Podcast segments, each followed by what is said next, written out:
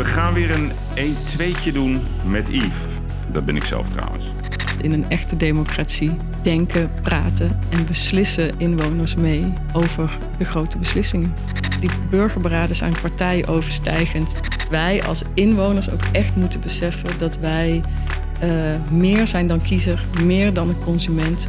Ik vind partijpolitiek ook heel erg problematisch.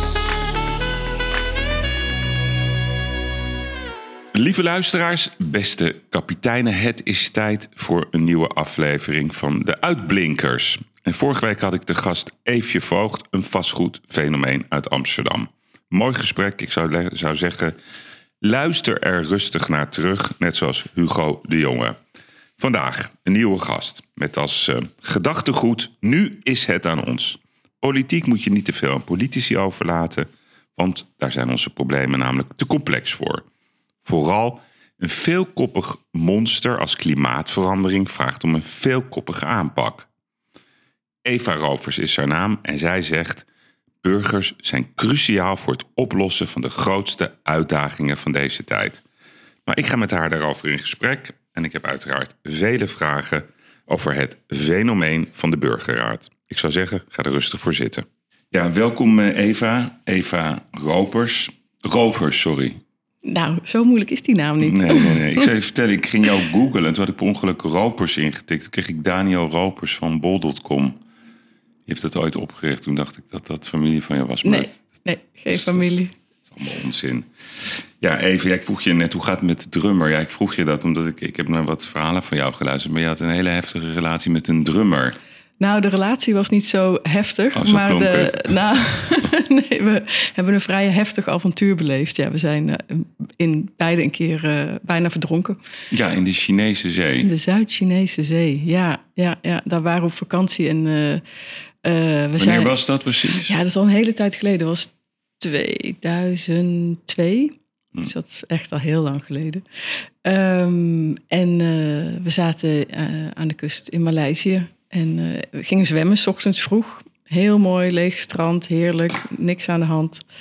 En uh, waren ook helemaal niet ver de zee in. Ik had het idee dat ik echt nog op, maar op kniehoogte stond. En op een gegeven moment uh, nou, zijn we in de onderstroom terecht geraakt. En ik voelde niks meer. Ik kon niet meer bij de bodem komen. Ik kon ook niet zwemmen. Ik probeerde natuurlijk naar de kust toe te komen.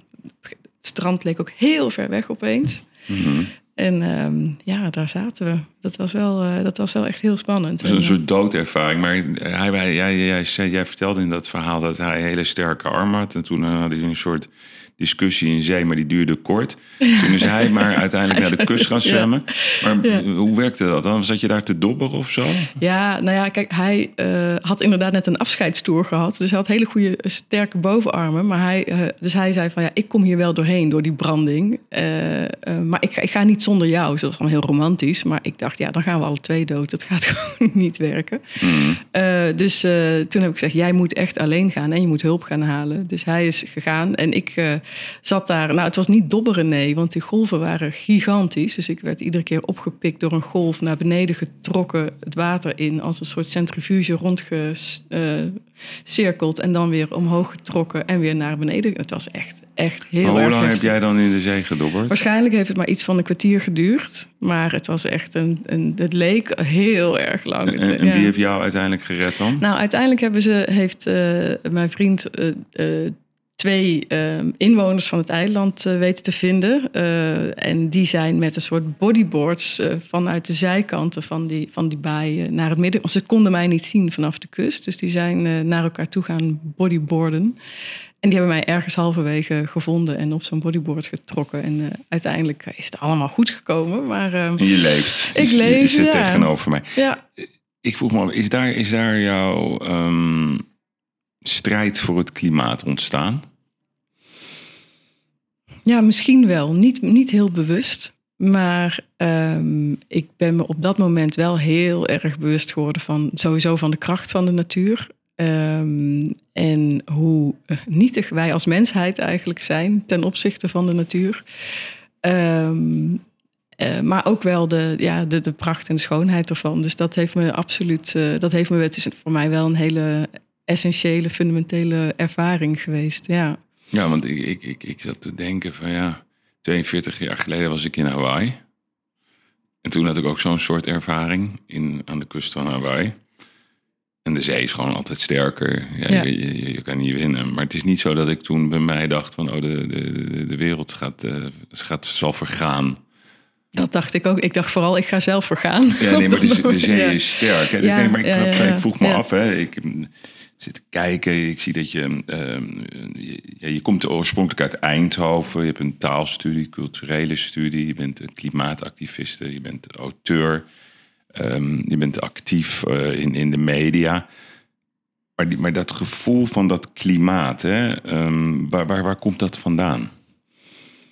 Ik denk dat dat er al wel langer in zat. Ehm, eh, ik ben altijd wel bezig geweest met, eh, met, ja, met de wereld om me heen. En met eh, ehm, ook wel mijn plaats daarin bepalen. Van wat, wat kan je doen aan het onrecht? Of toen ik opgroeide was het het gat in de ozonlaag. Nou ja, dat, dat is allemaal opgelost.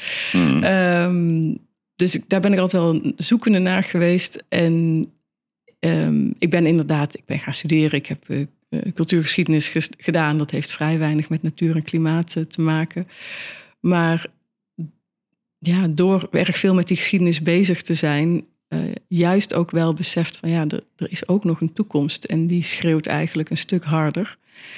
Eh, dus ik, kon het voor mezelf op een gegeven moment eigenlijk niet meer, niet meer verantwoorden om vooral met die geschiedenis bezig te zijn. En ehm, ja, wilde mijn, mijn schrijverschap en mijn, wat ik, mijn onderzoekscapaciteiten, dat wilde ik gaan inzetten om wat meer bezig te zijn met het klimaat en met de toekomst te zorgen dat die ook nog een beetje leefbaar blijft voor de generaties die na ons komen. Ja, en dat vind ik ook. Ik, ik hoor bij het kamp dat ik het niet weet.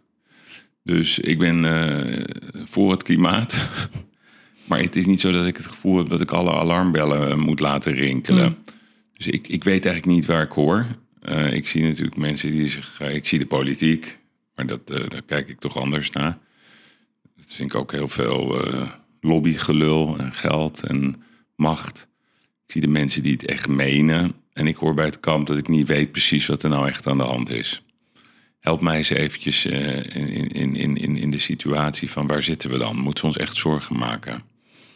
Ik heb er zeg maar niet echt veel verstand van om te begrijpen Nee, nou ja, of, denk- iets gevaarlijks aankomt. Ja, ik denk ehm, eh, voor jouzelf waarschijnlijk niet. Ehm, ik denk dat eh, voor, mensen op andere plekken in de wereld is, is die klimaatverandering al wel heel erg tastbaar en, en eh, levensbedreigend ook.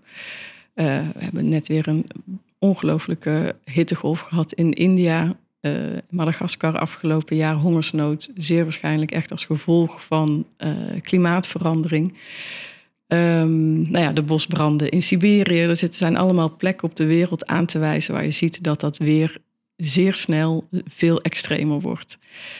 En ehm, ja, dat is voor ons hier in het Rijke Westen nog niet zo'n heel groot probleem. Alhoewel we ook hier nu te maken krijgen met, eh, nou, het is iedere dag in het nieuws momenteel, toenemende droogte, toenemende kans op bosbranden. Ehm, en daar zijn we eigenlijk niet goed op voorbereid.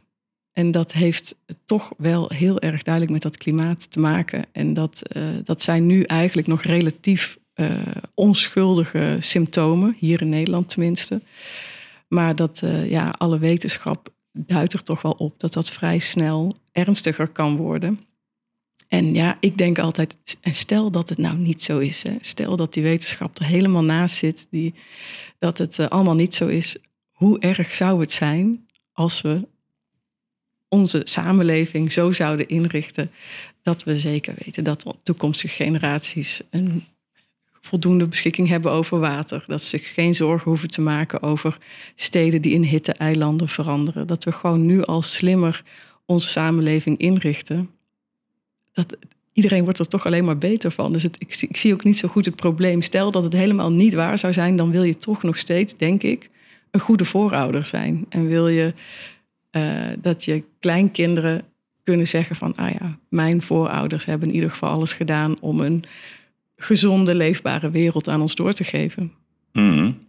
Daar kan ik niet mee oneens zijn. Hè? Maar je zegt wel iets eh, spannends. Stel dat het niet waar zou zijn. Hè? De wetenschap zit er wel eens naast. Nou, Ik zat eh, van de week, heb ik uh, vorige week geluisterd naar een best wel ontluisterend interview van Jaap Goudsmit over de coronabestrijding. Dat het RIVM er eigenlijk continu naast zat, dat de wetenschap het eigenlijk niet goed zag. Dat lockdowns in de basis helemaal niet goed waren. Maar we hebben het allemaal aanvaard. Dus de een of andere manier laten mensen zich makkelijk beïnvloeden. Je ziet ook een soort trend dat, het, dat mensen bang zijn om iets anders te zeggen. Dan worden ze gecanceld. Hè. Dat is ook een soort, soort cultuur waarin we zitten.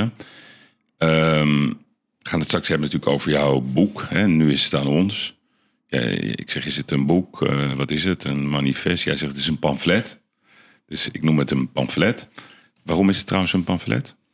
Omdat het echt een oproep is tot echte democratie. Het is, uh, ik wil hiermee echt zowel uh, samenleving als politiek echt oproepen om opnieuw te gaan nadenken over wat we onder democratie verstaan. En dat we echt een hele sterke democratie nodig hebben om de grote uitdagingen van deze eeuw aan te kunnen, waaronder die klimaatcrisis. Ja, Want okay. ja, je hebt het over die wetenschappers. Um, een een uh, pandemie die vrij uh, acuut de kop opsteekt, is echt iets anders dan klimaatverandering, waarvan we al sinds de jaren 50 weten dat het bestaat en waar het door veroorzaakt wordt. En dat is iets wat door wetenschappers um, vanuit de hele wereld onderzocht is, uh, wat zelfs door de fossiele industrie onderzocht is. Uh, ExxonMobil, uh, Shell, die hebben allemaal in de jaren 50, 60, 70 al onderzoek gedaan naar de opwarming van de aarde, waar het door komt. Daar is eigenlijk helemaal geen twijfel over. Nee, er is, dat, nee, is maar, dus dat is een. Nee, maar zij onderzoeken het. Dus ik bedoel, zij zijn de pyromaan van het verhaal. Nou, onder andere zeg ik wetenschappers vanuit de fossiele industrie. Daarnaast natuurlijk ook uh, onderzoekers uit, vanuit kennisinstituten, vanuit andere uh, organisaties. Maar om aan te geven, dit is, dit is niet een, een, een, een pandemie die de kop opsteekt en waarvoor je, waarvoor je heel snel onderzoek moet doen, waar je nog niet, lang niet alle data hebt. Dit, dat klimaatonderzoek wordt al decennia gedaan. Dat is ja, inmiddels zo onomstotelijk bewezen. Het uh, laatste onderzoek van de Verenigde Naties gaf ook aan van het is echt eigenlijk voorbij iedere twijfel dat de mensheid dit veroorzaakt door veel fossiele brandstoffen te, te nee, gebruiken. Dat. Ja. Maar, maar, maar ik, ik, heb, je, heb je ook die documentaire gezien van David Attenborough? Ja. En hij zegt eigenlijk, ik vond het een prachtig echt prachtige documentaire. Hij zegt ja, de kern van het probleem is eigenlijk helemaal niet zo ingewikkeld. Er zijn gewoon te veel mensen. Mensen ja. zijn in de basis de grootste uitstoters. Um, hij zegt ja, maar dat is wel een beetje moeilijk omdat. En hij zegt dat in alle rust. Ja. De man is op leeftijd, die kan alles zeggen. Ja, nee, heeft maar, niks meer te verliezen. Ja. Nee, heeft niks meer te nee, verliezen. dat is natuurlijk een heel, heel gevoelig, uh, heel eigenlijk gevoelig zegt punt. hij, ja, doe ja. maar aan geboortebeperking. Uh, dat zegt hij niet, maar dat bedoelt hij wel. We zijn met te veel mensen. We zijn met heel veel mensen, maar ik denk ook dat we heel erg veel consumeren. En als je ziet ja. dat uh, 20% van de wereldbevolking, wij dus in het Rijke Westen, uh, verantwoordelijk zijn voor 80% van de uitstoot, dan kan je zeggen, ja, dan kan je de ge geboortebeperking gaan doen. Maar we moeten misschien vooral ook echt even gaan kijken naar hoe we consumeren. En dat als we dat een flink stuk reduceren, ja.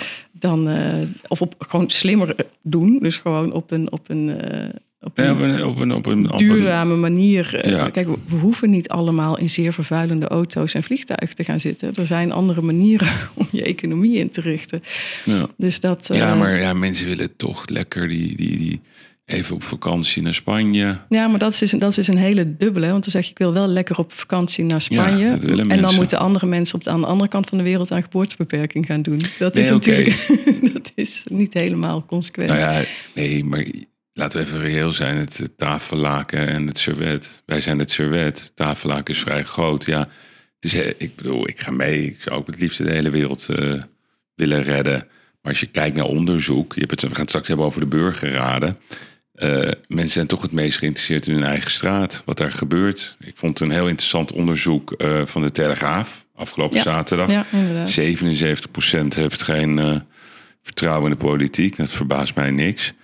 Maar wat hun interesseert, dat vond ik het meest boeiende eigenlijk, is gewoon prijsstijgingen. Gewoon de portemonnee. En als je dan ziet hoe, hoe laag klimaat staat, Mm. in, in, in dat zeg maar, spectrum van waar mensen mee bezig zijn, ja, dan is dat relatief gezien heel laag.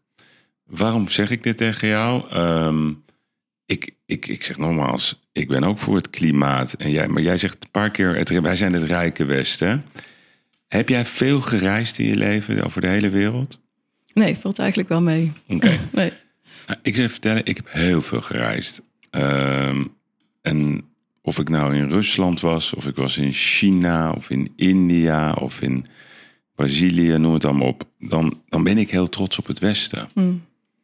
Maar enorm trots. Als ik zie hoe wij hier uh, omgaan met infrastructuur, hoe wij hier proberen een mooi leven neer te zetten, hoe wij hier omgaan met democratie. En heel veel, en heel veel is fout, hè? Laat dat even voorop, uh, laten we dat ook niet uh, onderschatten. Maar de, smeer, de smerigheid van hoe ze daar met het milieu omgaan, daar zit een, een, het is een gedragsprobleem. En wij hebben het altijd over het rijke Westen. We zijn, we zijn een soort, soort, soort, ik weet niet, ja, beesten bijna. Nou ja, we, en we doen daar zelf ook wel... aan mee. Nee, maar het lijkt ja. wel of we ons schamen voor wie wij zijn. Het probleem, zit het probleem in het Westen? Nou, heeft zegt... het in ieder geval heel lang gezeten. Kijk, wij hebben natuurlijk, en, en voor een deel absoluut nog steeds, uh, er wordt nergens zoveel gevlogen als hier. Al onze plastic schepen we allemaal af naar Indonesië. En dan zeggen we, goh, kijk eens wat ze daar doen met die vieze, uh, al die stranden die vol plastic liggen. Ja, mm. dat is echt voor een groot deel wat wij er naartoe gescheept hebben. Maar wie is wij?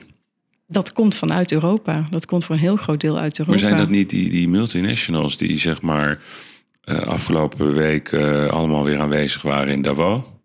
Dus alle leiders waren daar op het World Economic Forum. Uh, zelfs onze Schipholbaas, Dick Benschop, terwijl de winkel stond in de fik. Maar meneer had alle tijd om daar weer bij een of andere conferentie te zijn. De baas van Unilever, de bazen van Shell. De vervuilers, ze komen allemaal aanvliegen in uh, private jets. Uh, ze, ze, ze vreten zich helemaal vol met caviar en champagne. En ze, ze lopen alleen maar de moraalkaart uit te spelen. Maar zij veranderen niet. Terwijl ik denk, de mensen, hè, dus daar komen we straks uh, op, die willen wel veranderen. Is het, probleem, is het echte probleem niet, zeg maar, de continue gelddrang van, van, van, van de grote aandeelhouders in de wereld, die alleen maar meer, meer, meer willen? Zit daar niet de kern van het probleem? Dat zijn ook de vervuilers. Ik bedoel, ik vind het leuk hoor als Unilever allemaal... Ik kijk naar hun website, dan zie ik statements, prachtige statements. Maar ga naar de supermarkten. Zij, zij, ja. zij gooien daar continu die troepen in die winkels. Nou, dat. Dus het is inderdaad de fout. macht van, uh, van aandeelhouders. Maar het is zeker ook, denk ik, de algehele uh, uh, mentaliteit waar we in zitten. En dat is, dat, bedoel, wij hebben dat ook allemaal ja, maar jij zegt dit eigen wij, gemaakt. Hè? Nou ja, hier in het, wij in het Westen zitten heel erg maar wie is in het... wij? Nou, ik wil even mijn zin afmaken. Ja, ja, in, het, in, in de overtuiging van, en dat, zo zijn we ook opgevoed door de media, door de politiek, door de keuzes die gemaakt zijn, dat we denken: uh, groei is goed en meer is altijd beter. En we hebben altijd die economische groei nodig. We moeten meer consumeren, want dan gaat het goed met ons land. Dan, gaat, dan, dan komt de welvaart en het geluk. En dat is natuurlijk al een misvatting. Want juist door zoveel te consumeren, door alleen maar bezig te zijn met die economische groei, zijn we als samenleving ontzettend aan het vervuilen. En hebben we inderdaad steeds meer het idee gekregen dat we nou ja, recht hebben op alles en verplicht zijn tot niks. En dat dan zeker, bedrijven hebben daar een hele grote rol in, maar wij als inwoners hebben dat ook. En dat is iets dat is, heeft ook met een mentaliteitsverandering te maken die, uh, die nodig is. En dat, dat doen we niet zomaar. Nee, daar, uh, maar Ja. dat, dat, onze hele samenleving is van dat idee doordrenkt. Ja, maar dit klinkt een beetje als, eh, als de retoriek van zeg maar eh, Rutte, de jongen tijdens corona, dat de verantwoordelijkheid ligt bij de burger. Nee, nee, nee. Ik zeg, het is beide. Ik ben het helemaal mee eens dat, er- dat bedrijven echt moeten ophouden met, eh, met mooie woorden en gewoon serieus werk moeten gaan maken van een, een veel, duurzamere, eh, veel duurzamer beleid. Eh, ik vind ook dat daar veel steviger beleid op gemaakt moet worden. Dat er veel duidelijker kaders moeten worden gesteld door de politiek. Maar ehm, wat ik alleen maar wilde aangeven is de afgelopen 40 jaar ehm, is dat idee van, van die eeuwige groei en van wij als, als inwoners kunnen eigenlijk niks anders doen dan consumeren. dat idee, dat hebben we ons wel heel erg, uh, ons wel heel erg door in de luur laten leggen, vind ik. Ja. Of je kan ook zeggen, we hebben nog nooit zo goed gehad. We hebben het ook nog nooit zo. Ja, dan kan je, maar ook dat is relatief. Want we hebben het inderdaad uh, misschien financieel wel goed. Overigens ook lang niet iedereen in Nederland. Want we hebben nog steeds voedselbanken. Er zijn nog steeds ongelooflijk nee, veel kinderen die tuurlijk. zonder ontbijt naar school moeten gaan. Ja. Die niet met schoolreisjes mee kunnen gaan. Dus dat is, dat, die verdeling, daar is ook nog wel wat over te zeggen. Zeker. Plus dat je kan zien, er is ook wel echt een grote mentale armoede. Er zijn veel mensen met depressie, er zijn veel mensen met burn-out, er zijn veel mensen met fobieën. Ja, dat maar is, die, dat... die depressies en die, eh, zeg maar, eh, die jij nu noemt, hè, die zijn vooral in de laatste twee jaar geëxplodeerd door het ridicule coronabeleid. Ik bedoel, dat was al veel langer gaande. Ja, maar als je kijkt naar de statistieken, wat er gebeurd is, vooral bij jongeren, dat is nog nooit zo hoog mm. geweest. Ik bedoel, het is voor mij nog steeds onverklaarbaar dat een pandemie waar we de eerste drie maanden niks van wisten. Dat begrijpt iedereen. Maar daarna werd het vrij snel duidelijk wat er aan de hand was. Ja, dat totaal gezonde mensen gewoon verplicht zeg maar, opgesloten zijn geraakt. En die lijden daar nu nog steeds uh, onder met een lange ei. En dat vinden wij allemaal goed. Maar goed, eh, ik kom straks bij je terug. Um, ik ben nog niet met je klaar op dat onderwerp. Over wij en het Rijke Westen. Maar even over jou, um, jouw manifest. Uh, nu is het aan ons. Oproep tot echte democratie. Kan je me even uitleggen wat er op dit moment niet echt is aan onze democratie? Nou, we hebben de democratie gereduceerd tot eens in de vier jaar gaan stemmen. Mm. En uh, veel uh, mensen hebben het idee dat hun, hun invloed op de politiek, op, op, grote beslissingen die worden gemaakt in het land, inderdaad niet verder reikt dan eens in de vier jaar zo'n uh, zo'n hokje rood kleuren. En dat uh, vind ik heel problematisch, want ik vind dat in een echte democratie denken, praten en beslissen inwoners mee over de grote beslissingen. Mm -hmm. Op wie heb jij gestemd? Ik heb op, uh, bij de laatste gemeenteraadsverkiezingen. Ja, ik heb op een hele obscure nieuwe uh, partij gestemd die het niet heeft gehaald. dat was een, uh, een combinatie van de, de Groene Partij en de Basisinkomenpartij. Oké. Okay. En de landelijke verkiezingen? Landelijke verkiezingen, uh, dat ga ik niet zeggen omdat ik. Uh, vind ik wel jammer. Ja, snap ik. Maar ik vind het heel belangrijk bij, uh, ook in verband met burgerberaden, dat dat partijoverstijgend is. Dus ik wil me echt niet specifiek met één partij associëren, omdat ik echt vind dat dit iets is wat partijoverstijgend is. Ik vind partijpolitiek ook heel erg problematisch ik vind wel dat ik moet stemmen, dus ik ga stemmen. Hmm. Maar, maar, maar toch uh, interessant. Ik bedoel, we hebben de vrijheid om vooral het geheim te houden op wie we stemmen. Dus dat respecteer ik uh, ten volle, uiteraard. Maar wat is, wat is de reden waarom je je daar niet over wil uitspreken? Echt, wat, wat ik net zeg. Dat is, partij, ja, dat begrijp ik. Ja. Maar um, schaamte ook? Absoluut niet. Nee? nee? nee, En als je net hoort wat ik heb gezegd, wat ja, ja. ik lokaal heb gestemd, dan heb ja, je wel nee. een idee welke hoek ik zit. Dat begrijp dus, ik. Dus, ja, uh, ik begrijp het. Maar nee, ik, ik, ik zou meer aan je willen vragen stellen als voordat je gestemd hebt op D66 of op GroenLinks. D66 had nogal de, uh, zeg maar de klimaatkaart uitgespeeld. Maar als ik dan dat nieuwe leiderschap zie, hm. ja, dan word ik heel nerveus. Heel nerveus over wat ze nou menen en wat ze zeg maar doen. Nee, absoluut. En sowieso, ik, uh, ik heb echt met stijgende verbazing en frustratie zitten kijken naar wat er het afgelopen jaar ja. in informatie is gebeurd. En, en helemaal wat er, naar wat er gezegd is over nieuw leiderschap en nieuwe bestuurscultuur. Het ja. is natuurlijk een totale aanfluiting. Het is een aanfluiting, maar goed. Um, Eva, burgerberaden. Je zat op, uh, bij, bij een tv-programma en toen, toen vond ik dat ze je niet lieten uitspreken. Ik hoop dat ik dat wel doe vandaag. Um, en toen dacht ik, ja, het, het, boeide me. Je verhaal was nog niet af. Ik ben zelf een groot voorstander van uh, de gedachte dat zeg maar, mensen veel meer invloed hebben over hun eigen omgeving. En dus dus als, je, als je vraagt wat vinden mensen interessant, dan kom je toch altijd familie, je tuin, je gezondheid. buurt, je gezondheid, dus daar, daar, daar zie ik echt wel een enorme kans. En, en, en als je vraagt, willen mensen meer overheid, minder overheid? Nou, eigenlijk gewoon een betere overheid, een faciliterende overheid. Een betrouwbare overheid. betrouwbare overheid. Om de een of andere manier is dat een hele uitdaging om dat voor elkaar te krijgen. Kan je eens uitleggen wat het idee precies is volgens jou van een burgerraad? Wat, wat is dat? Ja, een burgerberaad is een, ehm, een, een, groep mensen, een geloten groep mensen, die een aantal keer bij elkaar komt. Vijf, zes weekenden meestal, verspreid over een half jaar. Dus een weekend per maand. En die, uh, dat zijn meestal honderd mensen. Uh, die, wat ik zeg, die worden geloot. Uh, worden geloot door middel van een gewogen loting. Wat inhoudt dat je een aantal kenmerken meeneemt om ervoor te zorgen dat die honderd mensen een goede afspiegeling vormen van de samenleving. Um, en die honderd mensen die buigen zich over een vraagstuk. Dat kan zijn, hoe moet de energietransitie er in deze regio uitzien? Dat kan zijn, uh, we hebben een miljoenentekort op de gemeentebegroting. Hoe gaan we die wegwerken? Um, dat kan ook heel goed zijn. Dat hebben we in Europa namelijk gezien afgelopen jaar. Uh, hoe, welke coronamaatregelen zijn relevant?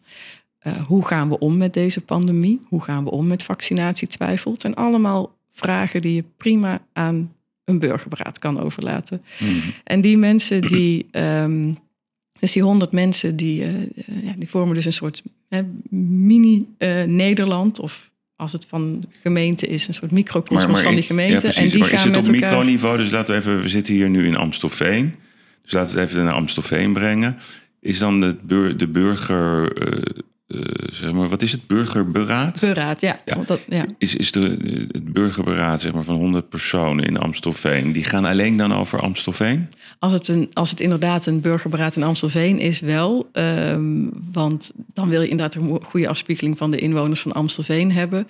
Um, uh, en de inwoners van Amstelveen zien er ongeveer hetzelfde uit als in Amsterdam, maar toch net anders. Dus dan zou Zeker. je in Amsterdam toch een andere samenstelling hebben dan in Amstelveen. Um, ik richt mij in het boek vooral, is het echt een oproep tot landelijke burgerberaden. Dus dat zou betekenen dat je een burgerberaad hebt dat echt een afspiegeling vormt van de Nederlandse samenleving. Dus uh, uit alle provincies. Ja, maar die gaan op basis van loting. Dus ja, ja daar kan je natuurlijk ook rantebielen tussen hebben zitten. Ja, Dat kan. die zitten ook in de samenleving. Dus die Ja. zitten. Maar over Ja. het al. Ja, nee, Maar er moet dat, een soort, eh, soort, soort, soort evenwichtige groep komen. Ja. Wie bedenkt de vragen?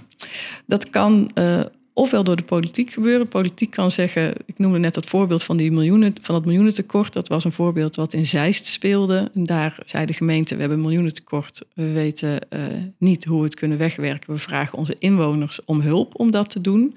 Dus dat kan je doen. Maar je kan ook zeggen dat een vraag vanuit de samenleving komt. In Ierland bijvoorbeeld, een land wat eh, jarenlang zeer gepolariseerd was rond abortuswetgeving, kwam vanuit de samenleving echt de roep van kunnen we niet een burgerberaad organiseren over die abortuswetgeving. En nu overigens over drugsgebruik. Dus dat, Ja, even terug, even, Ja. laten we even blijven bij Ierland. Hè. Dus, eh, dat is natuurlijk een land met, met, met heel veel- vele soorten conflicten. Met een best wel strenge katholieke geschiedenis. Abortus, eh, ja, dat is onbespreekbaar. Bij, dat, zeg maar de, de traditionals, eh, protestants ook. Ehm, en dan komt er de- die vraag. En ik vond het interessant om dat in, in, in jouw boek, ik noem het maar even een boek, om dat te lezen, hoe dat dan uiteindelijk ging. En wat ik, wat ik vooral las in, in, in, in jouw betoog ook, is het respect voor elkaar. De bereidheid om naar elkaar te luisteren, om, om, om, zeg maar, om zich in elkaars standpunten te verdiepen. En het traditionele Ierland zei uiteindelijk, ik geloof 64 procent, als ik het eh, me goed kan herinneren.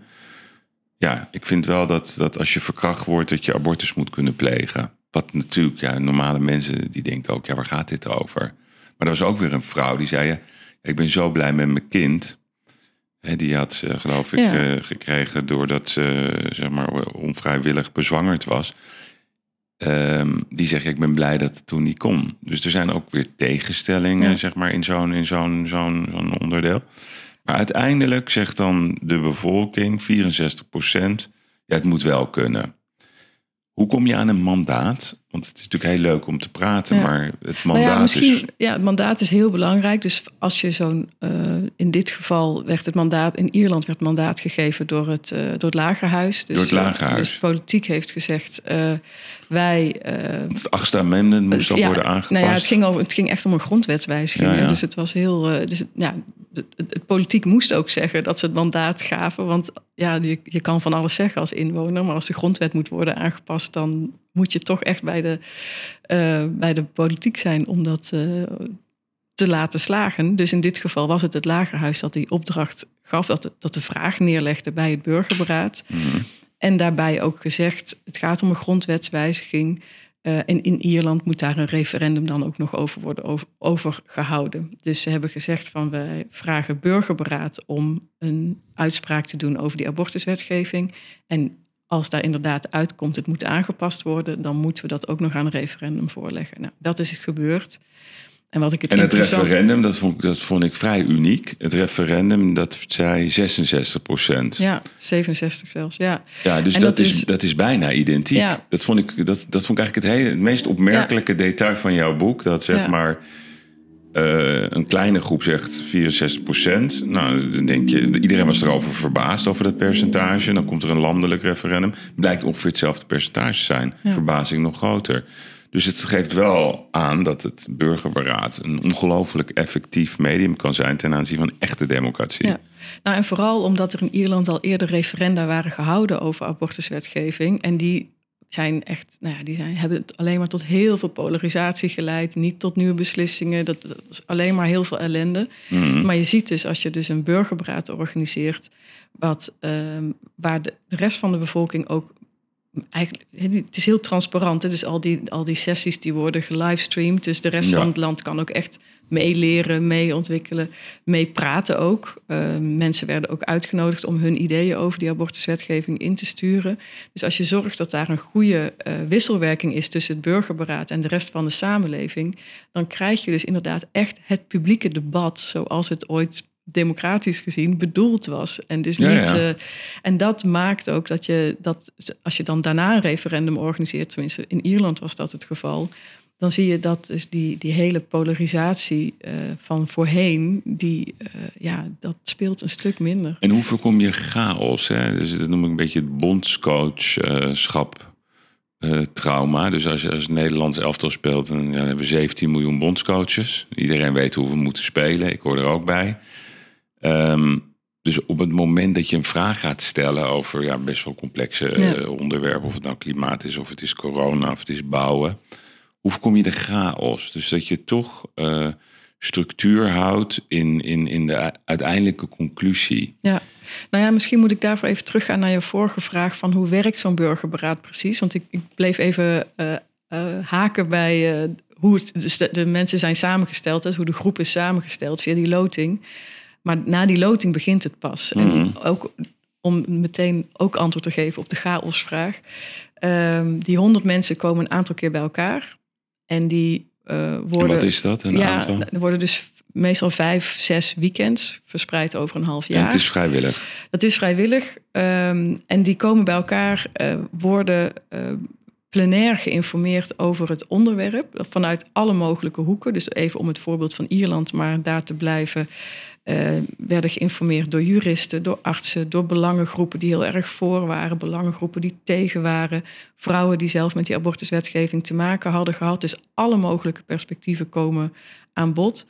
En vervolgens gaat die grote groep in kleinere groepen uiteen, zo acht mensen aan een tafel. En die gaan over allerlei deelonderwerpen praten. En die gaan met elkaar in gesprek. En dat is eigenlijk ook waar de, waar de magie gebeurt. Want dan zie je dat mensen met compleet verschillende politieke voorkeuren, met compleet verschillende culturele achtergronden, met elkaar in gesprek gaan en erachter komen dat ze best wel veel met elkaar delen. Ja. En dat is ook wat je net zei. Ja. En natuurlijk, heel, maakt niet uit wat je stemt, maar de meeste mensen vinden hun familie belangrijk, hun gezondheid belangrijk. Er zijn best wel waarden die mensen delen. En daar wordt eigenlijk eerst naar gekeken.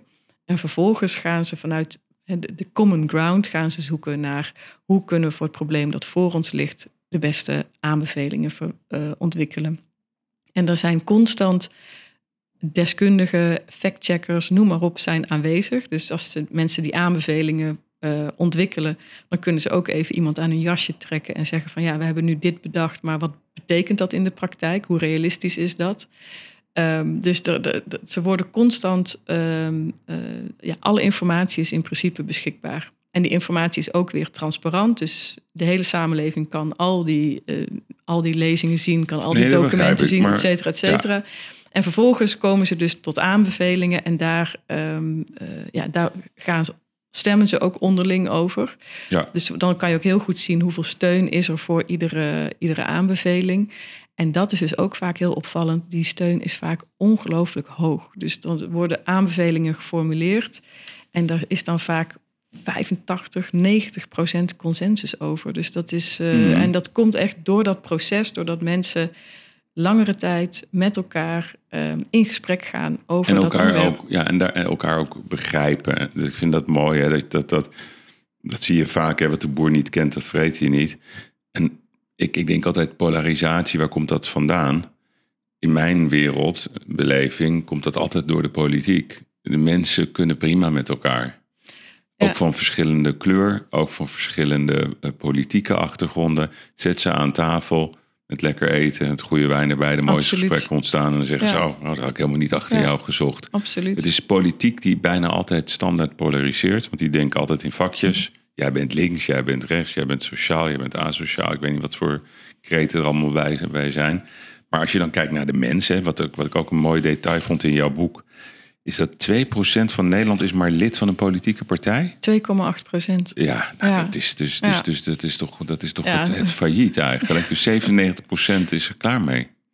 Nou, is in ieder geval niet, eh, ja, vindt het kennelijk niet belangrijk genoeg Nee, om daar. dat zijn eh, best wel veel mensen. Dat is heel erg veel. Ja, dat, ja. Is, dat is bijna gênant.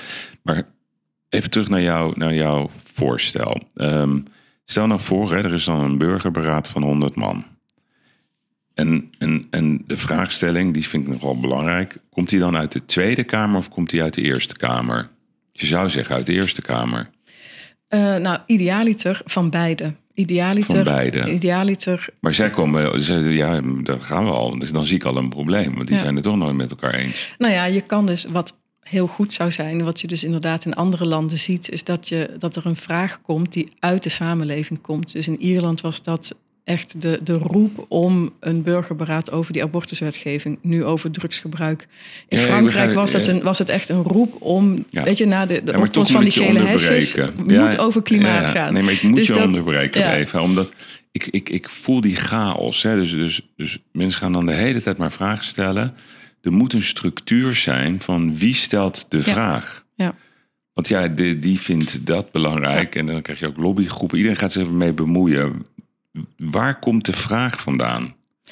Nou ja, dat is, dus- dat is dus een combinatie. Het, het belangrijkste is dat het een vraag is die leeft in de samenleving, die relevant is voor de samenleving. Maar de overheid weet niet eens wat er leeft in de samenleving. nee, maar daarom hè, ben ik dus ook bezig om te zorgen dat mensen beseffen dat er zoiets als een burgerberaad Nee, is. Dus dat, Daar ga ik met je mee. Alleen, het gaat mij om, die, om, om de vraag. Ja. Van wie komt de vraag? nou, als je het hebt over. ehm, wat bedoel je met de vraag het, het thema of bedoel je echt het mandaat? Dus het mandaat Beide, om. beide. ja, Kijk, ja. omdat ik wil bijvoorbeeld eh, als vraag m- meer of minder vluchten Schiphol. Ik een hele Dat- maar dat is geen, nee, dat is geen goede vraag. Oh, Bij een burgerberaad moet je. eh, dat- Ja, dat had ik ook gelezen. Ja, ja, moet- je moet geen gesloten vraag geen, nee, zijn. nee, Nee, nee, nee, klopt, klopt, klopt. Ik heb dat begrepen. Ja, dus dan zou je eerder kunnen zeggen: hoe zou, eh, hoe zou de luchtvaart er in 2030 uit ja, moeten zien? Nou, Zoiets. Oké, doen we Dus dat. Ja, dit, eh, nee, dat is heel mooi. Ik heb ja. het gezien. Je mag geen gesloten vragen stellen. Heel mooi. Ehm, wie stelt die vraag? Nou ja, als het gaat, want uiteindelijk, volgens mij is jouw vraag vooral hoe zorg je ervoor dat er een goede vraag komt waar ook uiteindelijk iets mee gedaan wordt door die politiek. Hè? Dus Want- het gaat vooral over dat mandaat. Ja. Ik, ik zou Ja. even nog even een voorbeeld geven. Ehm 2002, Pim Fortuyn. eh, ik sprak wel eens met hem eh, over, over allerlei dingen. En hij zei letterlijk tegen mij... Kijk, de mensen denken echt dat als ik straks de baas ben van Nederland... dat die stoeptegels voor de deur die scheef liggen... dat ik dat ga regelen. Ja. Zo Ja. groot was het vertrouwen van een bepaalde groep mensen... uit de samenleving in deze man... omdat hij toch nieuwe politiek, nieuw leiderschap... echt nieuw leiderschap wilde gaan, gaan, gaan laten zien... Dus dat gevoel van mensen zit natuurlijk altijd op straat.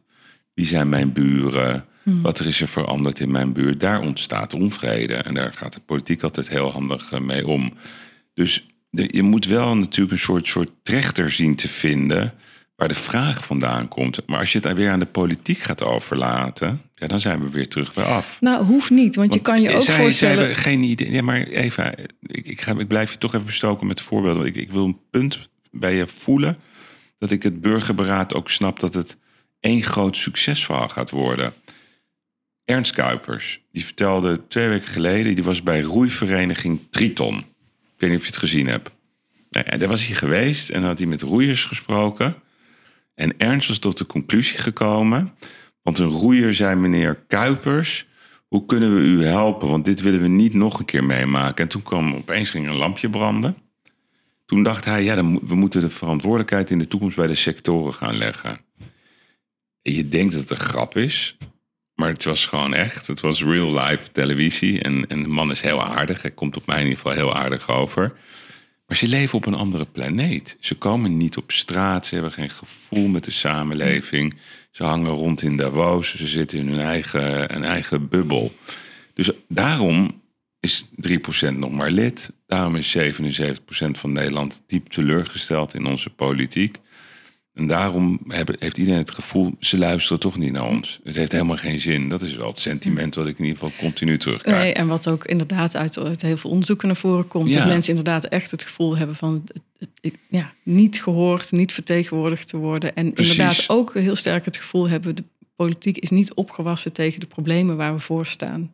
Maar misschien zijn het geen problemen. Kijk, misschien kan je het ook anders formuleren. Dat je zegt, het zijn gewoon uitdagingen. Mm. Waarom is alles een probleem? Waarom moeten we altijd Nou van ja, de goed, ene... het- Nee, oké, het maar... ene woord of het andere, maar Nou, we zijn taal niet, is belangrijk. Ja. Want nee, zeker. we Ik heb moeten het altijd maar het, crisis. Voedselcrisis, Ja. Klimaatcrisis, coronacrisis. Ik bedoel, het, is, het leven is een zeiltocht. Ik bedoel, je hebt het in de Chinese zee meegemaakt. Dus help me nou even, Eva, met dat, met dat burgerberaad... om het ook tot een soort effectief systeem... Dat je niet alleen praat, dat een conclusie is van... hé, hey, dit is het. Ja. Vervolgens gaat het terug...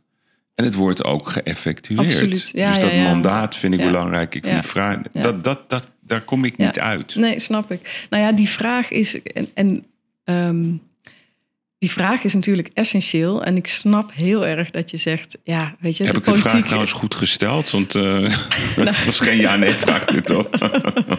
Nou, er zitten heel veel elementen aan. Dus ik ga proberen het zo Oh, bondig mogelijk Oké, te maar dan moet beantwoorden. ik even kijken weer of ik dat de- goed heb. ik dat wel goed gedaan? Heel goed, heel goed. Fantastisch. Ja. Ja. Maar ehm, nee, kijk, het, het, ik snap dat je zegt, eh, hè, de politiek heeft te weinig voeling met wat er in de samenleving is. Dus laat hen alsjeblieft niet die vraag formuleren. Nee. Aan de andere kant zie je dus, als, eh, als dat dus wel gebeurt, als je dus als overheid jezelf kwetsbaar opstelt en je zegt, ik haal even corona aan, en je zegt, we worden geconfronteerd met een pandemie. Ehm, eh, hier zijn we waarschijnlijk de komende anderhalf jaar nog niet van af. Hoe gaan we de komende anderhalf jaar hiermee om? Wij weten het ook niet. Denk met ons mee. Dan is dat een vraag die je als politiek openstelt naar de samenleving toe. En waarvan je dus ook zegt, wij weten het ook niet precies. We Maar hebben hulp stel je nodig. Die, Die, vraag je maar dus aan wie? die, aan de samenleving en dus aan een burgerberaad. Ja, Oké, we samen een beetje veel. Hè? Nee, daarom. Dus, daarom de, Dus- dus, dus aan die- een burgerberaad. aan dus dan zeg je van, we burgerberaad, gaan een 100 burgerberaad mensen. organiseren. En we gaan aan het burgerberaad vragen. Nou, wij zijn heel benieuwd naar hoe je Maar inderdaad een lange is het een termijn soort strategie. OMT van de straat. Nou ja, vanuit de samenleving. Ja, Mhm. dus dat is en dat zou heel erg goed zijn, denk ik. En dat door die vraag, door, door als politiek te zeggen van wij komen er niet uit, wij weten het ook niet, dat verandert al zo de dynamiek. Dat is al zo Maar wie anders stelt die dan. vraag? De Nou, dan zou dat in, dan zou dat bijvoorbeeld de Tweede Kamer kunnen zijn. maar of stellen een aantal, ze dat, die ja. vraag wanneer het hun uitkomt? Of stellen ze die vraag omdat het moet? Eigenlijk moeten ze die stellen omdat het moet. Dus als ze Ja, inderdaad zeggen van we, zit- we, we zitten met onze handen in het haar, Nou, we moeten er iets mee. Nee, wacht Ja. even. Ja, ze, toen zaten ze met hun handen in het haar. Maar er zijn ook wel eens onderwerpen waarbij de ene partij het helemaal niet Ja. wil. Ja, Ik bedoel, en de andere, jij bent waarschijnlijk voorstander van die 30, 40 miljard voor het klimaat. Mijn vraag zou zijn, hoe gaan we dat geld zo efficiënt mogelijk besteden? Heb ik dat trouwens goed gesteld, die vraag? Ja, die stel ik, zet ik zelf ook in het boek van de, de leuk om te zeggen 35 miljard naar klimaat. Maar hoe dan? Hoe, Oh, hoe dan? ga je dat besteden? Nee, nee, dat- die heb ik goed gesteld. Ja. Nee, nee, maar dus, dus, dus, dus die Tweede Kamer die stelt die vraag. Dat gaat naar dat burgerberaad. Er komt Ja. dan een conclusie. Ja. Maar is dat het, zeg maar, het zoveelste dossierrapport? Nee, kijk, dat is dus het grote verschil. Je moet, en dat hebben we gelukkig in het buitenland kunnen zien, hoe je dat op een goede manier kan doen. Je moet vooraf, op het moment dat je die vraag stelt, moet je ook al kunnen zeggen, onder deze voorwaarden nemen we die aanbevelingen over en gaan we er x, x en x mee doen. Dus je Ja. moet een plan van opvolging vooraf al duidelijk maken. Maar, maar dit zou dus zo kunnen zijn dat het burgerberaad het is in, is in de basis het, het, het meest machtige instrument van Nederland straks. Nou, ik zie het dus echt als een samenwerking tussen Ja, politiek nee, en ik- samenleving. ja, dat vind en ik- omdat, ja, de, omdat de politiek dus is vooraf ook. Nee, dat is niet lief, dat is realistisch. Omdat, je, omdat die politiek dus vooraf moet aangeven wat de voorwaarden zijn waaronder aanbevelingen worden overgenomen. Kijk, het is geen carte blanche die gegeven wordt. Dus het is echt niet dat het burgerberaad de hele representatieve politiek eh, te- terzijde gaat schuiven. De politiek geeft vooraf aan, als het aan deze voorwaarden voldoet, dan nemen we aanbevelingen over. Dus het is een samenspel. Het is een samenspel tussen die aanbevelingen en die voorwaarden. Laten we even twee vragen pakken. Jij mag de, de, de juiste eh, manier van vraagstelling neerleggen. ja. Dus we hebben de problematiek in Groningen. Ja. Wat zou de vraag zijn geweest aan het burgerberaad? Dus Nou, we zitten, laten we even zeggen, we zitten... 2012, hè, grote aardbeving. Ja, ja, Ja. Ja. Dan zou dat, dat zou een heel goed moment zijn geweest. Maar om wat te zou de zeggen, vraag geweest zijn? Om Ja. dan te zeggen, mensen, wij leven hier in Nederland al lange tijd dankzij, in grote wilde, dankzij zijn we rijk de gasbaten. 1953, Ja. Maar we zien dat dat eh, voor een groot deel van ons land tot, eh, tot hele grote problemen leidt. En dat dat niet meer houdbaar is. Hoe gaan we ervoor zorgen dat we die gaswinning op een rechtvaardige manier vorm gaan geven, op een duurzame manier vorm gaan Of geven? dat, vind ik, dat vind ik geen goede vraag. Ik zou zeggen, hoe gaan we hiermee om? Ja, hoe gaan we ermee om? Wat is, maar dat Niet is, eens gaswinning. Ik zou zeggen, hoe gaan we ermee om? Want als je het namelijk zakelijk bekijkt, kan je ook zeggen, we gaan ermee door. Hmm. Maar we gaan die mensen uit dat gebied, die worden hartstikke rijk. zou die- ook nog kunnen. Maar, ja, Ja, maar zoiets is, het moet inderdaad Ja, een hele precies. open vraag zijn. Open dus hoe zorgen we ervoor dat dit voor iedereen eh, leefbaar blijft? Acceptabel en Ja. leefbaar is. Ja, Ja. nee, oké. Dat zou, een, dat zou een realistische vraag zijn geweest. Nou, dan, dan, ik denk dan dat de conclusie zou zijn geweest... oké, we begrijpen, we begrijpen het belang van Nederland... want komen er mensen aan tafel die zeggen... ja, wacht eens even. We hebben ook nog eh, Haarlem. We hebben ook nog eh, Enschede. We hebben ook Eindhoven. Ja, die moeten allemaal straten hebben, scholen, immigratievraagstukken. Ja, de, begroting moet wel rondkomen. Ja, we kunnen niet zonder de inkomsten uit gas. Ja, en dan zeggen die Groningers, ja, maar wacht even, onze huizen schudden op hun grondvesten. Oké, begrijpen we, dan moeten we jullie compenseren. We gaan zorgen dat jullie heel mooi gaan wonen. Ergens anders. Dat gaan we voor jullie creëren, gaan we voor jullie betalen. Jullie hebben nooit meer zorgen. Jullie hebben genoeg ellende gehad. Dan zou het best zo kunnen zijn dat wij, oh sorry, dat wij een, een, een, een heel erg mooi eh, ja, eh, gasconcept zouden hebben. Veel geld mee kunnen verdienen. Wat niet mis is, toch? Je mag toch geld verdienen als land? Je mag zeker geld verdienen, Ja. maar het ligt er wel aan natuurlijk hoe eh, houdbaar dat is. Ja, nee, want, oké, maar er moet wel geld steeds- verdiend worden. Want kijk, ik bedoel, Maar er zijn voor- ook andere manieren om geld te verdienen. Hè? Nou, hoe dan? Hoe verdient Nederland geld? nou ja, we hebben toch we hebben echt niet alleen eh, de gasbaten nodig. Je Nee, kan, maar hoe je- verdienen wij geld? we hebben onze technologie, we hebben onze kenniseconomie, we hebben zoveel eh, manieren. Nee, wij verdienen helemaal niks. Dus, dus wij, ons, onze enige inkomstenstroom buiten zeg maar de belastinghamer. Ja, maar die belastinghamer, daar moet je mee opletten. Hè? Want, of oppassen. Ehm, je kan natuurlijk niet door blijven gaan met die hamer. Dat heeft de geschiedenis uitgewezen. Op een gegeven moment gaan mensen weg. Gaan ze routes zoeken. Ze hebben er gewoon geen zin meer in. Iedereen wil belasting betalen, maar je wil wel weten wat er met je poen gebeurt. Dat is een heel normaal iets. Het kan niet zo zijn dat je in, in, in Duitsland aan de pomp betaal je 1,90 in Nederland 2,40. Ik stond van de week stond ik, eh, bij, de, bij het pompstation en een vrouw. Ik voelde aan haar dat het de laatste euro's waren. waren. Moest ze 112 euro betalen. Ja, ik zag gewoon die pijn bij die vrouw. Maar ze moest wel. Ja. Om. Maar van, dat is dus ook een vraag hè, van hoe gaan we ons, eh, ons transportsysteem Nee, maar, in maar en niemand ons heeft het vervoer. in ons is- land. ja. ja. maar niemand in ons land heeft het erover. Misschien moeten we ook even praten hoe we geld gaan verdienen. Hmm. Maar dat zijn dus allemaal onderwerpen die daar, die Ja, komen nee, al, oké, het is allemaal Ik zou onderdelen. graag met je tegenover jou Ja. willen zitten, Ja, zo'n gaat- beraad. ja, dat lijkt me ook heel interessant. Maar het gaat Ja. er dus ook niet zozeer om wat. eh, eh, weet je, wij kunnen nu helemaal bedenken wat de thema's en wat Ja. er besproken zou worden. Maar het is dan aan die honderd mensen. Nee, maar het gaat mij dus- wel om de, ja. om de spelregels. Dus, Ja, dus, dus, ja, ja, dus, ja. dus, dus, ik, ik mis... Kijk, dus ik ben het eigenlijk heel erg met je eens. Hmm. Maar toch mis ik iets. Wat mis je? Nou, ik mis gewoon, eh, zeg maar... de effectiviteit van het, van het burgerberaad. Ja. Want dat is, dan, dan, dan ben, ik je, ben ik je vriend. Dan gaan Ja. we ervoor. Want dat, dat is volgens mij wat de mensen willen. Ja. We willen af van dat gelul daar in Den Haag. En excuses weer. En dat ze het niet meer kunnen herinneren. En dat ze het vergeten zijn. En nu ook weer de reacties op dat onderzoek van de Telegraaf. Ja, ik herken me in de kritiek. Ja. Ja, nou ja, nee, maar dan zeg ik inderdaad, want ik, ik snap dat, hè. Want kijk, ik ga me niet. Ik ben nu meer dan twee jaar bijna dag en nacht bezig om het idee van de burgerberaad bekendheid te geven, om Ja. daar onderzoek naar te doen. Dat doe ik niet omdat ik denk, ja leuk, nog een inspraak, ehm, hoe zeg je dat, nog een participatievorm die toch geen zoden aan de dijk zet. Ik geloof hierin juist omdat het echt verschil maakt. En voorbeelden zoals in Ierland, zoals in Duitsland, zoals in, ehm, eh, nou, wat wat is het inmiddels, 500 plekken over de hele wereld. zelfs. Ja, nou, daar is, dat is dus een, ook tegelijkertijd een voorbeeld van hoe het niet moet. Ja, klopt. Want eh, in Frankrijk hebben ze inderdaad een groot burgerberaad rond het klimaat gedaan.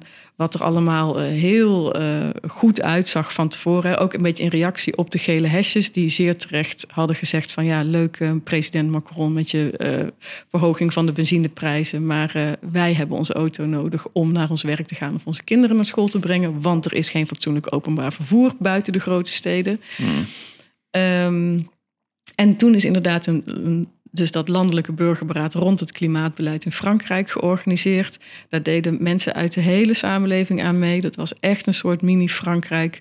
En daar zijn 149 aanbevelingen uitgekomen die, als je ze allemaal zou uitvoeren, zelfs nog sneller tot die CO2-reductie zouden Ja. komen. Dus allemaal hartstikke leuk. Maar het is niet gedaan. Maar uiteindelijk is dat inderdaad gestrand in de Senaat. En dat is natuurlijk. Maar voor- dat is dus wat ik bedoel. Dus daarom, Ja. ik, ik zeg tegen jou, in maar Frankrijk daarom, is het er ook. Dat is, dat, en dat is dus, dat was 2020. Ja, En sindsdien zijn er dus heel veel andere burgerberaden georganiseerd die dat, daar allemaal leringen uitgetrokken hebben. Dus we Ja. kunnen nu ook, we kunnen kijken naar Schotland, naar Denemarken, naar Luxemburg, naar Duitsland, waar ze dus allemaal manieren hebben eh, bedacht om dat burgerberaad echt die effectiviteit te geven. exact.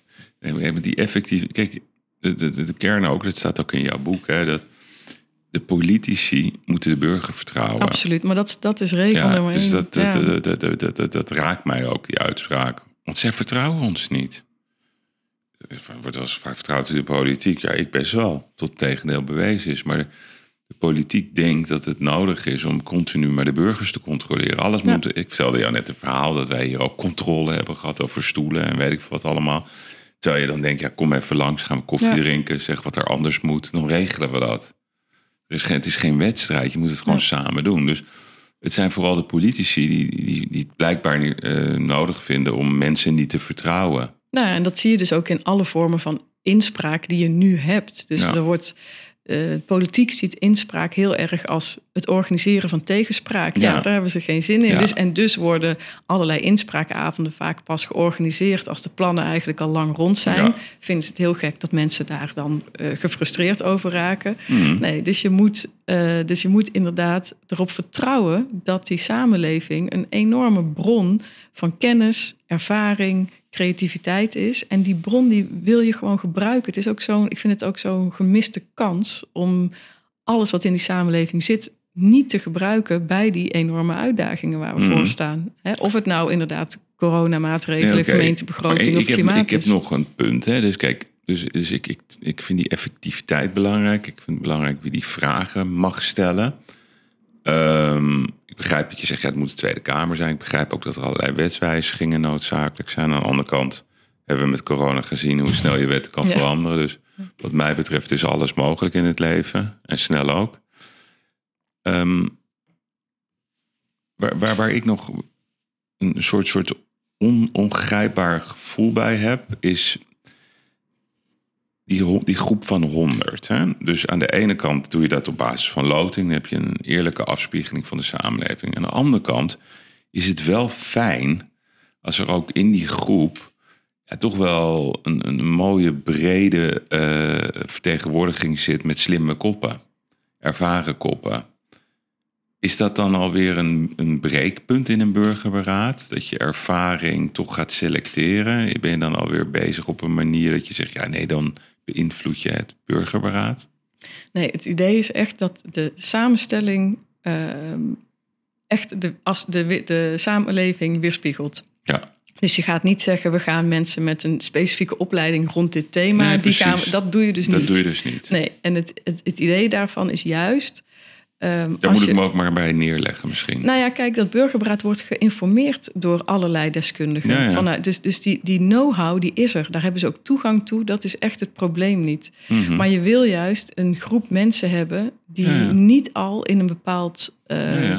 Kader zitten. En je ziet, dat blijkt ook uit. Onbevooroordeelde persoon. Nou ja, en een diversiteit aan kennis. Ja, ja. Dus, dus kennis hoeft niet alleen van een universitair diploma te komen. Kennis kan ook gewoon uit levenservaring komen. En Mhm. er zijn heel veel eh, maatschappelijke onderwerpen waarvan je zou willen dat er meer levenservaring was gebruikt om Ja, er een oplossing ik. voor te bedenken. Nee, dus maar- juist die diversiteit van kennis En zit er nog maakt, een... zo- maakt het effectiever dan als je daar alleen maar een hele selectieve groep experts zou hebben. Mhm. En is er nog een soort eh, knelpunt bij, bij de personen? Dus eh, wordt er nog een criminaliteitscheck gedaan op mensen die erin zitten? Ja, of, of eh, TBS-verleden. Ja, ik noem maar wat punten op. Maar dit, dit, hier spreekt ook wantrouwen uit. Hè? Ja, nee, dat begrijp ik. Ik heb dat wantrouwen juist niet. Alleen, ik, ik weet niet of het een heel goed idee is als er in een burger... Ja, Nou, mooi. waarom nee, wacht niet? even, stop, Waarom stop, niet? stop. Nee, ik ben erover aan het nadenken wat jij nu doet. Misschien heb je gelijk. Ja, ik ga met je mee. nee, ik vind het goed. Ja. Ik ben het wel met je eens. Kijk, Ik zou nog wat anders zeggen. Ehm, misschien is het zelfs goed om zo iemand ertussen te hebben. Dat denk ik eerlijk gezegd Ja, ook. ja. Nee, ik ga mee in dit punt. Dus eh, dat, Ja. is, dat zijn Nee, meer- ik moet denken dan aan Henk de Vries. Die had ik ooit in de podcast. Henk is eh, oprichter van de Bulldog. En eh, een heel heftig eh, oorlogsverleden van zijn moeder. Geboren op de Wallen. Eh, heeft, is overleefd. eh, kwam terecht in de clan van Klaas Bruinsma. Nou, Klaas Bruinsma wou hem vermoorden. Hij dacht, oké, ik of hij. Ik ga naar Antwerpen, ik ga wapens halen. En op Amsterdam vertelde hij dat. Ja, of hij schiet mij neer of ik schiet hem neer. Iemand anders schoot Klaas neer. Dus hij zegt, dat was nog een masseltje voor me ook. Is heel rijk geworden. Heeft heel veel vastgoed. Ja, is uiteindelijk gewoon een normale ondernemer geworden. Die mensen werkgelegenheid geeft. Maar nooit betrokken ehm, in Amsterdam over de uitdagingen. Hoe je omgaat met Met criminaliteit. met criminaliteit, maar ook het legaliseren, hoe je het op een goede manier moet doen, hoe je het controleerbaar moet maken. Niet eens een belletje. Nee. Ja, dus ik vond dat wel bullseye van jou, want eh, ik deed het nu ook even. En, en, en ik denk dat je, dat, je niet, eh, dat je het heel clean moet benaderen. Want als er één tussen zit, of twee of drie, dan zeggen die andere 97. Misschien wel, joh, doe even rustig. Nou, maar dat is het. Dus hè? dat vertrouwen dat- moet je. Oké, ja, maar dan ben oké, dus die, die is al van de tafel. ik ben nog niet helemaal met je uit de ruit over wie die vragen stelt. Ja. Jij zegt Tweede Kamer, Eerste Kamer.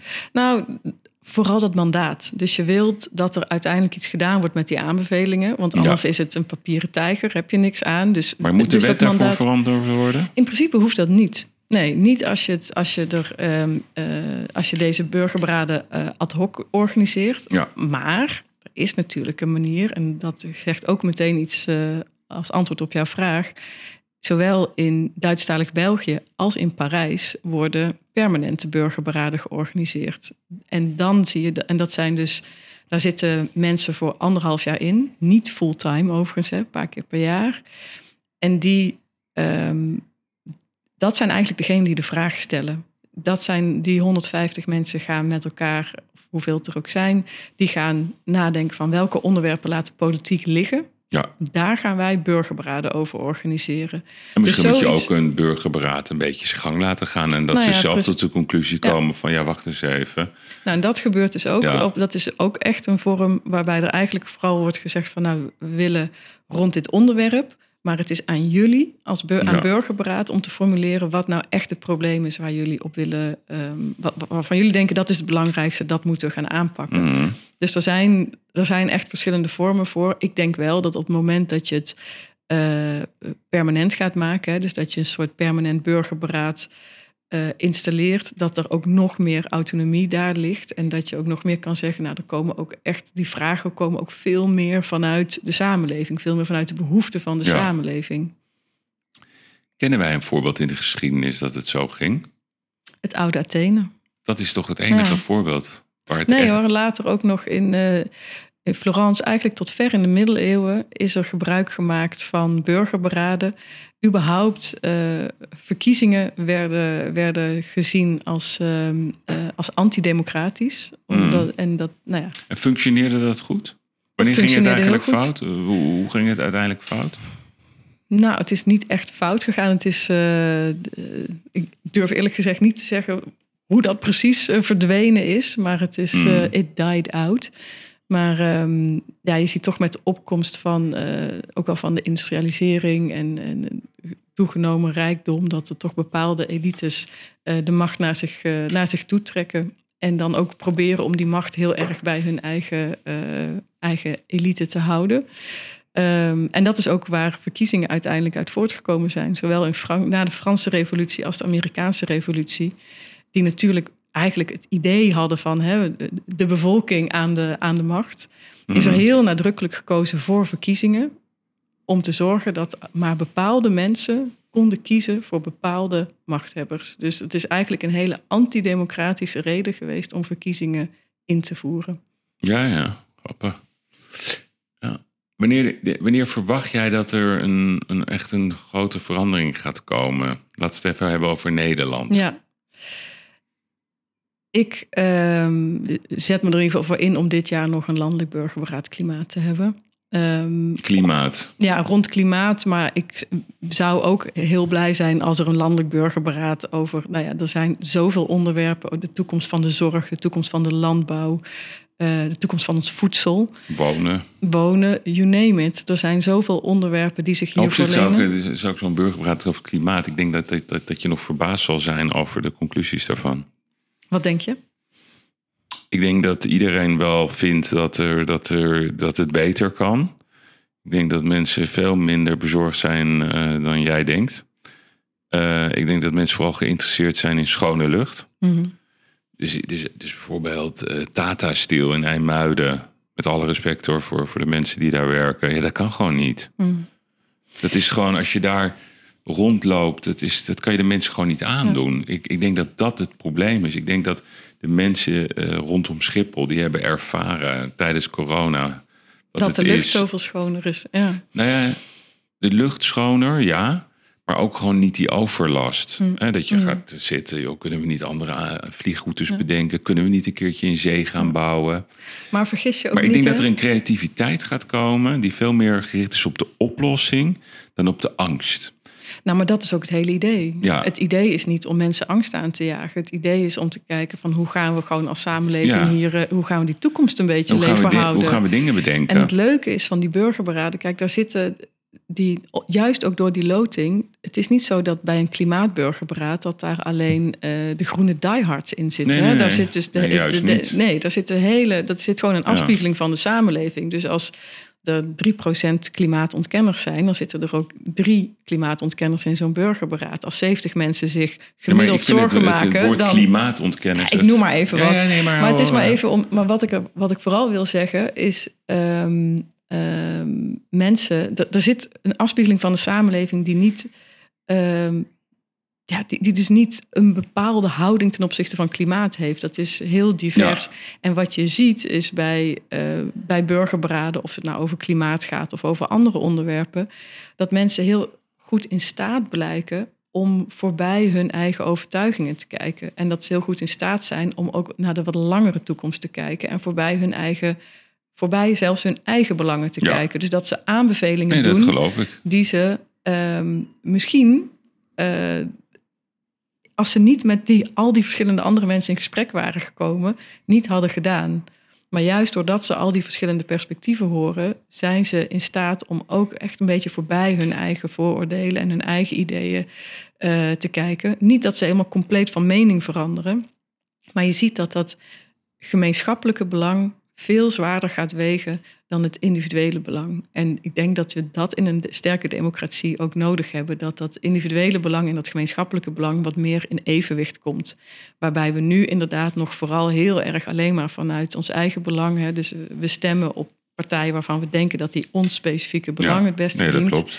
Um, en we gaan, als we al iets doen met participatie, dan is het vaak omdat er bij ons in de achtertuin iets gebeurt en we dat niet willen.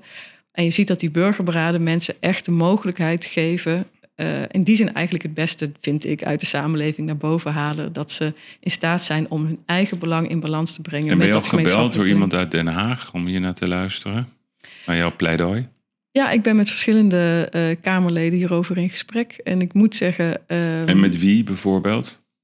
Nou, vanuit verschillende partijen. Dat vind ik ook zo leuk eraan. Dus ik heb, uh, ik heb het onlangs aangeboden aan uh, Henri Bontebal van het CDA. Ik heb het aangeboden aan Rob Jette. Ik heb het aangeboden aan Laurens Dassen van Volt. Um, ik zou het heel graag aan Caroline van der Plas nog willen aanbieden. Um, um, die, komt naar het, die komt naar het Kapiteinenfestival zaterdag. Nou, kijk, mooi. Ja. maar ook, ook uh, uiteraard nog bij de VVD wil ik graag langs gaan. Ja. dus ja, er zijn. ik, ik wat ik in het begin al zei, die burgerberaden zijn partijoverstijgend. Dus ik vind ook dat alle partijen hier gewoon een, um, ja, een, een, standpunt over zouden moeten innemen. En ook zouden moeten zien van dit gaat ons echt helpen. Ja. En, en hoe hou je de lobby zeg maar buiten de deur? Voldoende vertrouwen hebben in die burgerberaden? Nou, op twee manieren. Een burgerberaad duurt gewoon niet zo lang. Dat duurt maximaal een half jaar. En we zien in de praktijk dat het, uh, dat het lobbyisten niet lukt om, uh, om echt toegang te krijgen tot, uh, tot, die, tot die burgers. Als het al lukt, dan worden, zijn, blijken burgers dus echt als door een wesp gestoken. Omdat het veel inwoners zo um, een ja. van de grootste frustraties van mensen is die lobby. En ja. dat politici dus inderdaad echt in de zak zitten bij die, bij die grote lobbypartijen. Ja. Dus als ze zelf benaderd worden, dan ja, zijn daar totaal Maken ze het van. eigenlijk nog erger. Ja, mooi. Hoi, Eva. Maar vertrouwen dus. Vertrouwen, ja. ik hoop, ik, um, ik voel er heel veel voor. Um, ik denk ook dat dit, dat dit, dit is wat we nodig hebben. Hmm. Ik, ik ga zelf nog veel verder, dat roep ik um, best wel vaak. Ik denk dat 80% van Den Haag moet gewoon weg.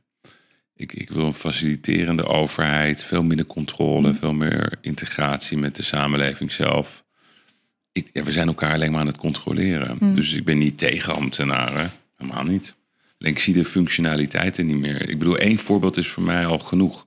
Dus ik zie zo'n voorbeeld met zo'n pand, zo'n kerk, wat wij hier hebben. 500 pagina's dossier inmiddels. Over een paar stoelen. Vier verschillende ambtenaren. Dat duurt een jaar of zo, als het niet veel langer is. Ja, geen idee. Mensen kunnen ook gewoon even bellen, joh. Uh, de ventilatie, er moet een raampje, een raampje erbij en dan moeten twee stoelen weg. Hè, probleem ja. opgelost. Nou ja, uh, daar heb je niet vier is, man voor nee. nodig en, en tien controleurs en weet ik veel wat allemaal. Dus zo, zo, zo wandelen ze het, door het land. Ja, daarom vind ik het, het Engelse woord voor ambtenaren en, uh, en bestuurders eigenlijk ook civil servant. Civil servant. Dus je bent een dienaar aan het volk. En dat, uh, dat vind ik echt een hele. Ik denk van ja, dat zouden we eigenlijk wel weer meer terug moeten hebben. Dat we dat meer beseffen. Dat, uh, Back to the civil servant. Ja, maar het betekent ook dat wij, en daarom ook de titel van mijn boek, nu is het aan ons, dat wij als inwoners ook echt moeten beseffen dat wij uh, meer zijn dan kiezer, meer dan een consument. Wij zijn inwoners van het land en wij hebben dus ook, vind ik, niet alleen het recht, maar ook de plicht als burgers om mee te praten en mee te beslissen over, uh, over die grote uitdagingen. Mooi, Eva. Dit was jouw slotpleidooi. Juist. Dank voor je aanwezigheid en succes met je initiatief. Ik, uh, ik ben er heel enthousiast over. Ik hoop vooral dat de contouren haalbaar zijn ook qua, qua uitvoering. We blijven je volgen. Dank dat je even langs bent gekomen. Dankjewel. Ja, lieve luisteraars, dank voor het luisteren naar het uh, mooie gesprek uh, met, met Eva Rovers. Het heeft mij in ieder geval geboeid en ook geprikkeld. Ja, vrijdag dan een korte uitzending van de Gigs. met Erik. Die is dan ook eh, in Nederland. Hij is er inmiddels ook al. Want ja, wij maken ons op voor het Kapiteinenfestival van, eh, van komende zaterdag. En dan maken we twee extra podcasts op het festival. En die zenden we ook in de avond uit. Dus ja, dat wordt een hele spannende, boeiende week. We hebben er heel veel zin in. Dus ik zou zeggen, in ieder geval tot vrijdag en ook tot zaterdag. En hopelijk ook tot ziens op het Kapiteinenfestival. Molto bon dia.